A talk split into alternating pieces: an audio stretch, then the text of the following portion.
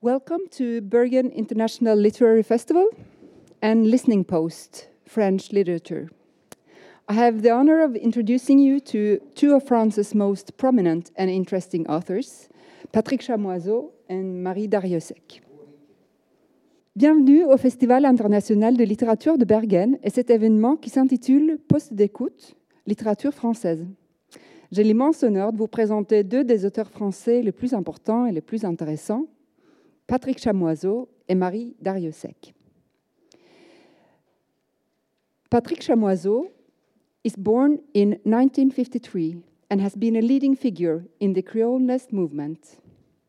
After studying in Paris, he returned home to Martinique, where his writing has frequently been inspired by Creole culture.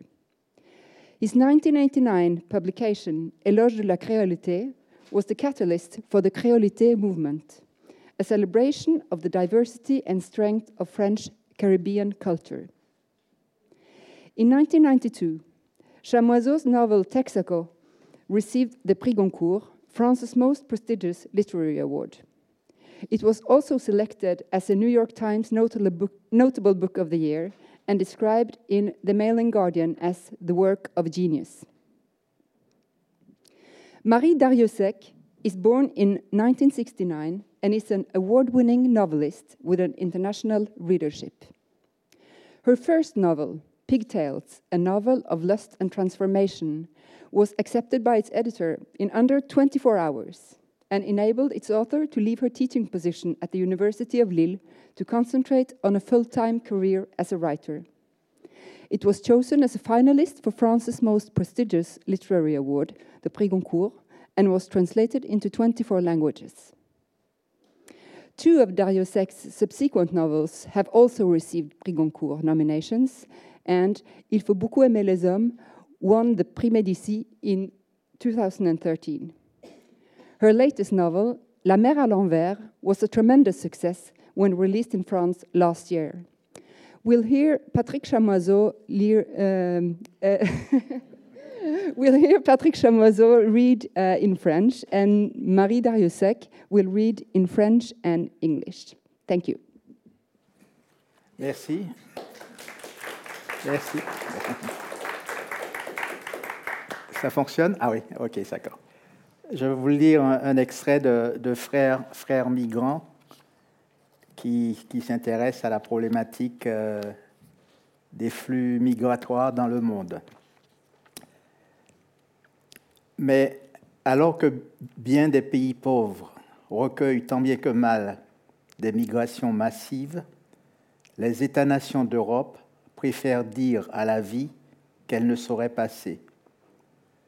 Eux qui ont tant migré, tant brisé de frontières, tant conquis, dominés, et qui dominent encore, veulent enchouquer à résidence misère, terreur et pauvreté humaine ils prétendent que le monde d'au-delà de leurs seules frontières n'a rien à voir avec leur monde, qu'il n'est pas de leurs œuvres et pas de leurs devoirs. Ils lui opposent les dissuasions d'une mort autorisée, filmée à angle choisi, médiatisée chaque jour.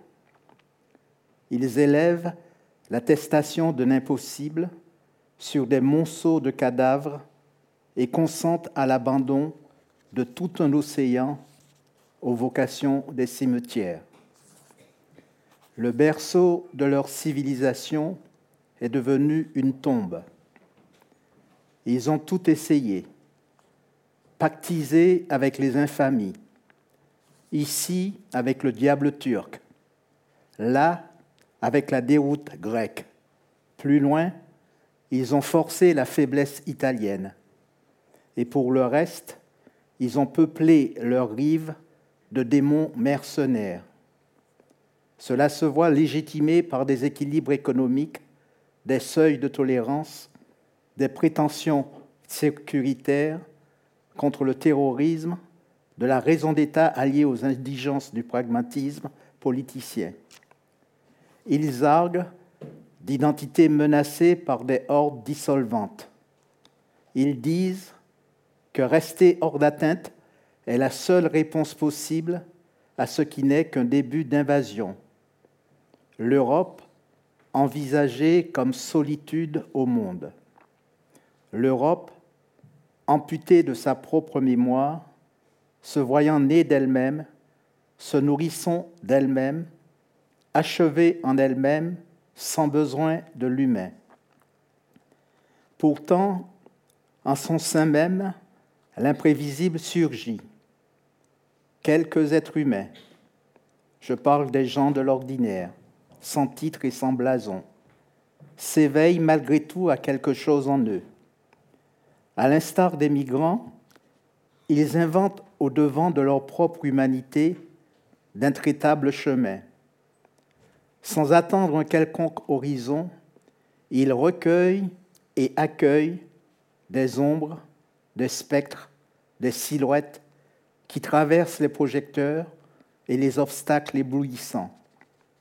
Ils se portent vers eux sans lumière, sans audience, avec juste un rien d'humanité tremblante, se faisant eux-mêmes et audience et infime lumière, ils donnent leur lit, leur petit déjeuner, leurs habits, leur temps, leur solitude aussi. Casa nostra, casa vostra. Chant, danse, musique, petites choses, petits gestes, petits mots, qui recèlent sans doute l'éclaté nu d'un autre monde. Une intuition qui désavoue des vérités ténébreuses et puissantes. Casa nostra, casa vostra. Quand l'humain n'est plus identifiable par l'humain, la barbarie est là. Pas une tribu, pas une nation, pas une culture ou civilisation qui n'est en quelque heure essaimée sous le désir ou la contrainte, qui n'est en quelques moments de ces histoires vu une partie d'elle polliniser le monde, ou qui n'est accueilli ou n'ait été forcé de recevoir ce qui provenait d'un bout quelconque du monde, puisant au monde autant que se donnant au monde, s'érigeant en source, en asile et refuge, ou réclamant et asile et refuse. Pas une. Homo sapiens est aussi et surtout un homo migrator. Dès lors, l'homme campé sur son seuil, qui ne reconnaît pas l'homme qui vient, qui s'en inquiète seulement, qui en a peur sans pouvoir s'enrichir de cette peur, et qui voudrait le faire mourir ou le faire disparaître, est déjà mort à lui-même. Il a déjà disparu en lui-même, de sa propre mémoire, de sa propre histoire et à ses propres yeux. C'est lui-même qu'il ne reconnaît plus. C'est avec la crainte de lui-même qu'il se menace. C'est de lui-même qu'il se protège. Et c'est lui-même qui se condamne à ce naufrage qu'il craint.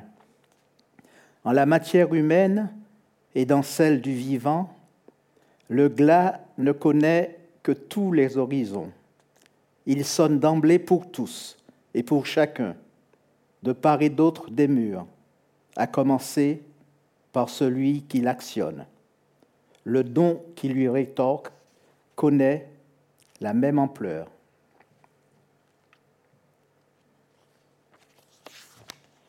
Déclaration des poètes. Les poètes déclarent Ni orpheline, ni sans effet, aucune douleur n'a de frontières. Les poètes déclarent que dans l'indéfini de l'univers, se tient l'énigme de notre monde, que dans cette énigme se tient le mystère du vivant, que dans ce mystère palpite la poésie des hommes.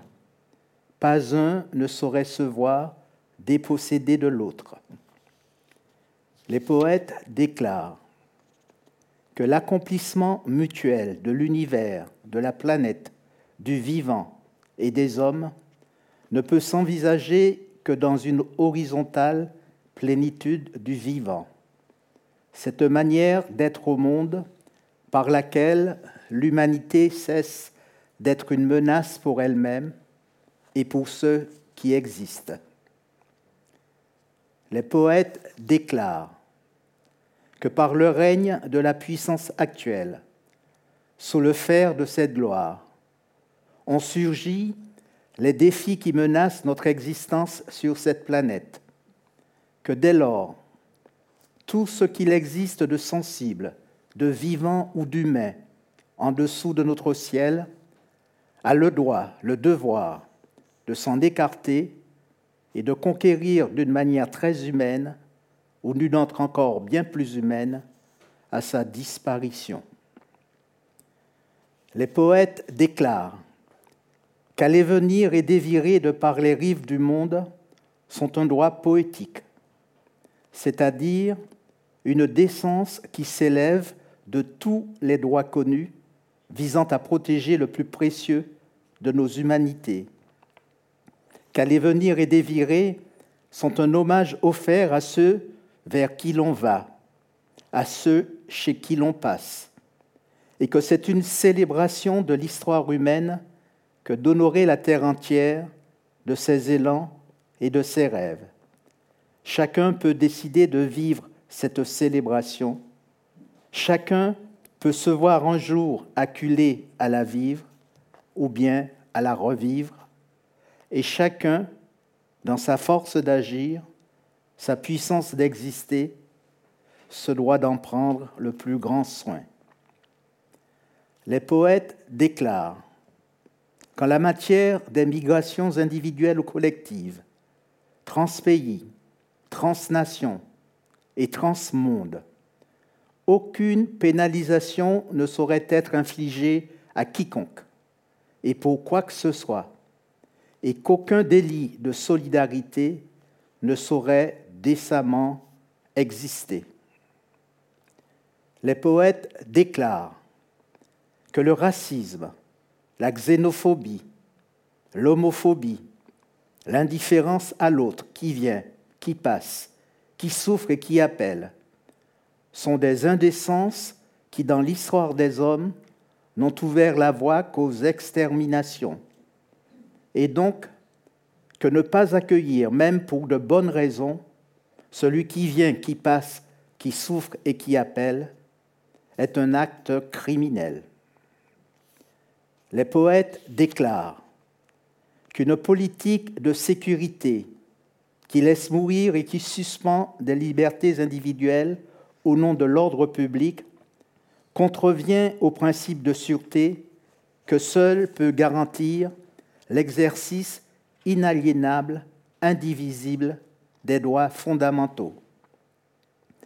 Les poètes déclarent qu'une constitution nationale ou supranationale qui n'anticiperait pas les procédures d'accueil de ceux qui passent, qui viennent et qui appellent contreviendrait de même manière à la sûreté de tous. Les poètes déclarent qu'aucun réfugié, chercheur d'asile, migrant sous une nécessité, éjecté volontaire, aucun déplacé poétique ne saurait apparaître dans un lieu de ce monde sans qu'il n'ait non pas un visage, mais tous les visages. Non pas un cœur, mais tous les cœurs, non pas une âme, toutes les âmes, qu'il relève dès lors de l'histoire profonde de toutes nos histoires, qu'il incarne dès lors l'histoire de nos histoires et devient par ce fait même un symbole absolu de l'humaine dignité. Les poètes déclarent que jamais plus un homme sur cette planète n'aura affoulé une terre étrangère. Toute terre lui sera native, ni ne restera en marge d'une citoyenneté, chaque citoyenneté le touchant de ses grâces, et que celle-ci, soucieuse de la diversité du monde, ne saurait décider des bagages et outils culturels qu'il lui plaira de choisir. Les poètes déclarent que quelles que soient les circonstances, un enfant ne saurait naître en dehors de l'enfance, que l'enfance est le sel de la terre, le sol de notre sol, le sang de tous les sangs, que l'enfance est donc partout chez elle, comme la respiration du vent, le salubre de l'orage, le fécond de la foudre, prioritaire en tout, plénière d'emblée et citoyenne d'office.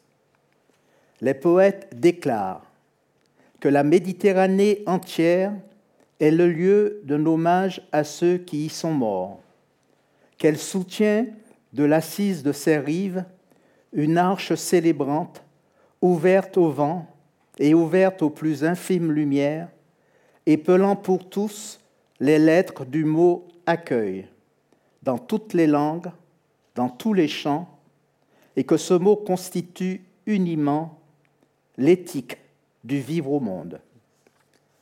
Les poètes déclarent que les frontières ne signalent qu'une partition de rythme et de saveur, qui n'oppose pas, mais qui accorde, qui ne sépare que pour relier, qui ne distingue que pour rallier, et que dès lors, aucun cerbère, aucun passeur n'y trouvera à sévir, aucun désir n'y trouvera à suffire.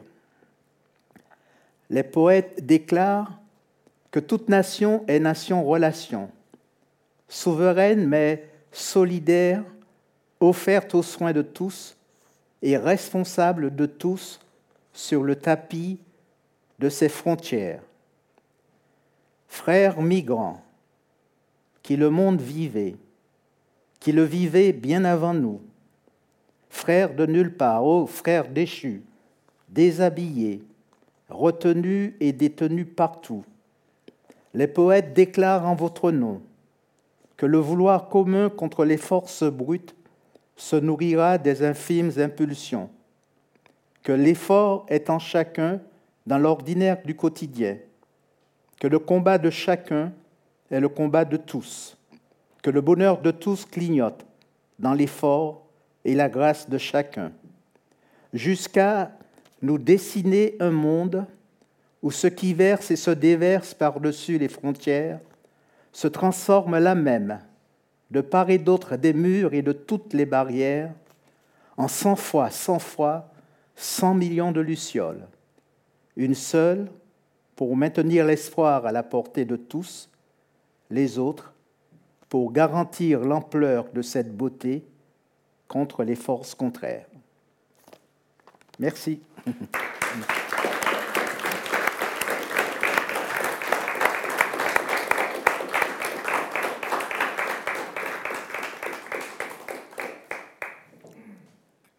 Je vais lire euh, seulement en français, en fait. Puis, nos textes se répondent un peu au mot Méditerranée. Je me suis dit que j'allais prendre un autre passage. Et moi, c'est sur euh, une réponse plus narrative. C'est Rose, elle est en croisière en Méditerranée, une femme de la classe moyenne française. Tout en bas, sous elle, on mettait une chaloupe à la mer. Ratatata faisaient les chaînes. La chaloupe diminuait, diminuait, la surface de la mer vue d'en haut comme un immeuble. Silence. Les bruits fondaient la nuit de rayures rouges. Un officiel et deux marins descendaient le long de la paroi dans la chaloupe, un gros tas de gilets de sauvetage à leurs pieds. En mer, il y avait comme des pastilles effervescentes, écumes et cris. Et elle voyait, elle distinguait un autre bateau, beaucoup, beaucoup plus petit, mais grand quand même, ses yeux protégés de la main contre les guirlandes de Noël s'habituaient à la nuit et rattachaient les bruits au mouvement. Elle comprenait qu'on sauvait des gens. D'autres passagers de la croisière au bastingage tentaient de voir aussi. C'étaient des Français de Montauban. Elle les croisait au restaurant Prestige. Ils la saluèrent, ils étaient ivres. Les deux femmes, jeunes, piétinaient en escarpins. Il y en a pour des plombes, estima l'une d'elles. Un homme criait à l'autre Mais putain, tu es dentiste, dentiste comme moi La phrase les faisait rire sans qu'on sache pourquoi. Un autre couple courait vers eux, basket et survêtement. Faisait-il du sport à cette heure? Ils ne parlaient aucune langue connue. Des Scandinaves? Rose, pardon, je me rappelais pas de ce passage. Rose leur expliqua, dans son anglais du lycée, qu'il y avait là, dans la mer, des gens. Et peu à peu, comme se donnant on ne sait quel mot mystérieux, des passagers se regroupaient. Il était quoi 4h30 du matin? La chaloupe avait touché l'eau, cognant contre le flanc du paquebot, le moteur démarrait impeccable sous l'œil des passagers penchés, l'officier à la proue et les deux marins derrière, debout très droits comme un tableau.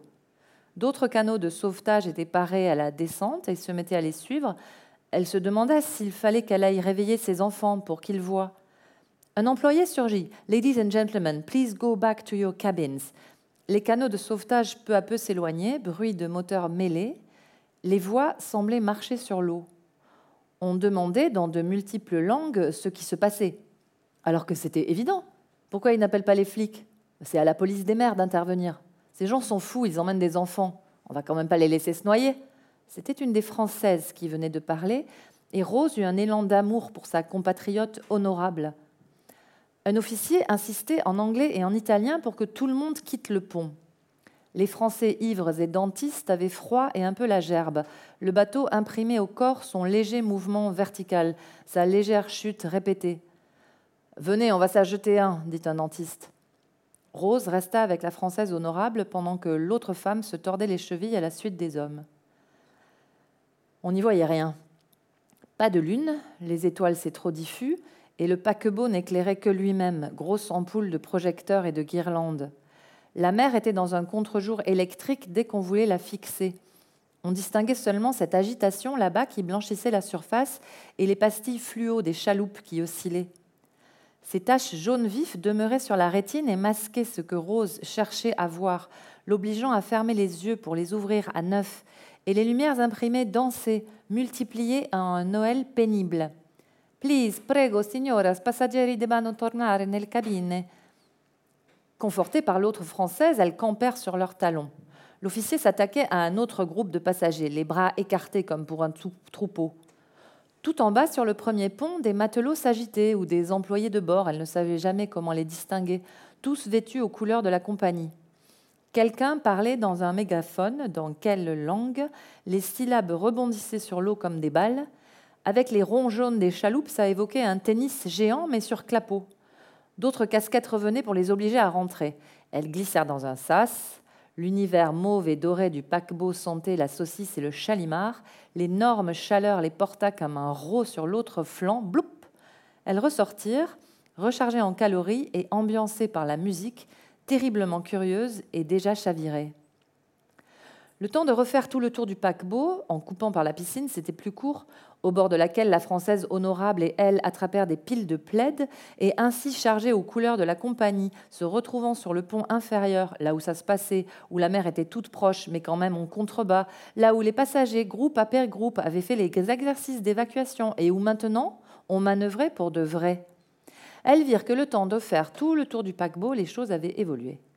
Le petit bateau en détresse était maintenant parfaitement en vue, une sorte de petit chalutier avec une minuscule cabine et entièrement couvert de gens, y compris sur le toit de la cabine, amassés, serrés, criant tous la même chose. Beaucoup de croisiéristes s'étaient regroupés malgré les efforts de l'équipage. Quelque part dans le paquebot, un chœur mal accordé chantait Joyeux anniversaire. Est-ce que l'aube pointait ou c'était un volcan, le Stromboli? Mais on était au fond de l'hiver. Et s'il faisait grand jour quelque part en ce moment, ce devait être en Australie. Et là, dans la mer, est-ce un nageur? Est-ce qu'on peut nager dans cette position? Est-ce un nageur souterrain, crawlant sous la croûte terrestre entre d'énormes embûches de lave et de glaise, et ressorti ici, au jugé, effaré? Il était mort. Ils étaient en train de repêcher, là, juste au-dessous, le corps d'un homme mort. Un mort comme ça, un mort soudain. Dans la chaloupe, des hommes d'équipage tentaient sur lui quelques manœuvres, mais ça se voyait qu'il n'y croyait pas. Un homme vivant ne tient pas sa tête comme ça. Rose eut ce réflexe de tendre la main vers eux, d'essayer quelque chose, mais elle posa tous les plaids par terre. Elle les avait emportés pour ceux qui auraient froid, pour les vivants. La Française honorable et elle se tenaient muettes. Voir un mort avec quelqu'un qu'on vient de rencontrer, cette intimité soudaine. Ses mains brûlées d'énergie inemployée. À part sa grand-mère au funérarium du village, elle n'avait jamais vu de mort. Elle se vit dans le temps, au fond d'un entonnoir, dans le vertige des secondes, un vortex de vue des étoiles avec cette femme qui ne lui était rien et ce mort. Elle savait que ce moment, ce 24 décembre à l'aube, elle et la femme qui ne lui était rien s'en souviendraient toute leur vie. Voilà. Merci.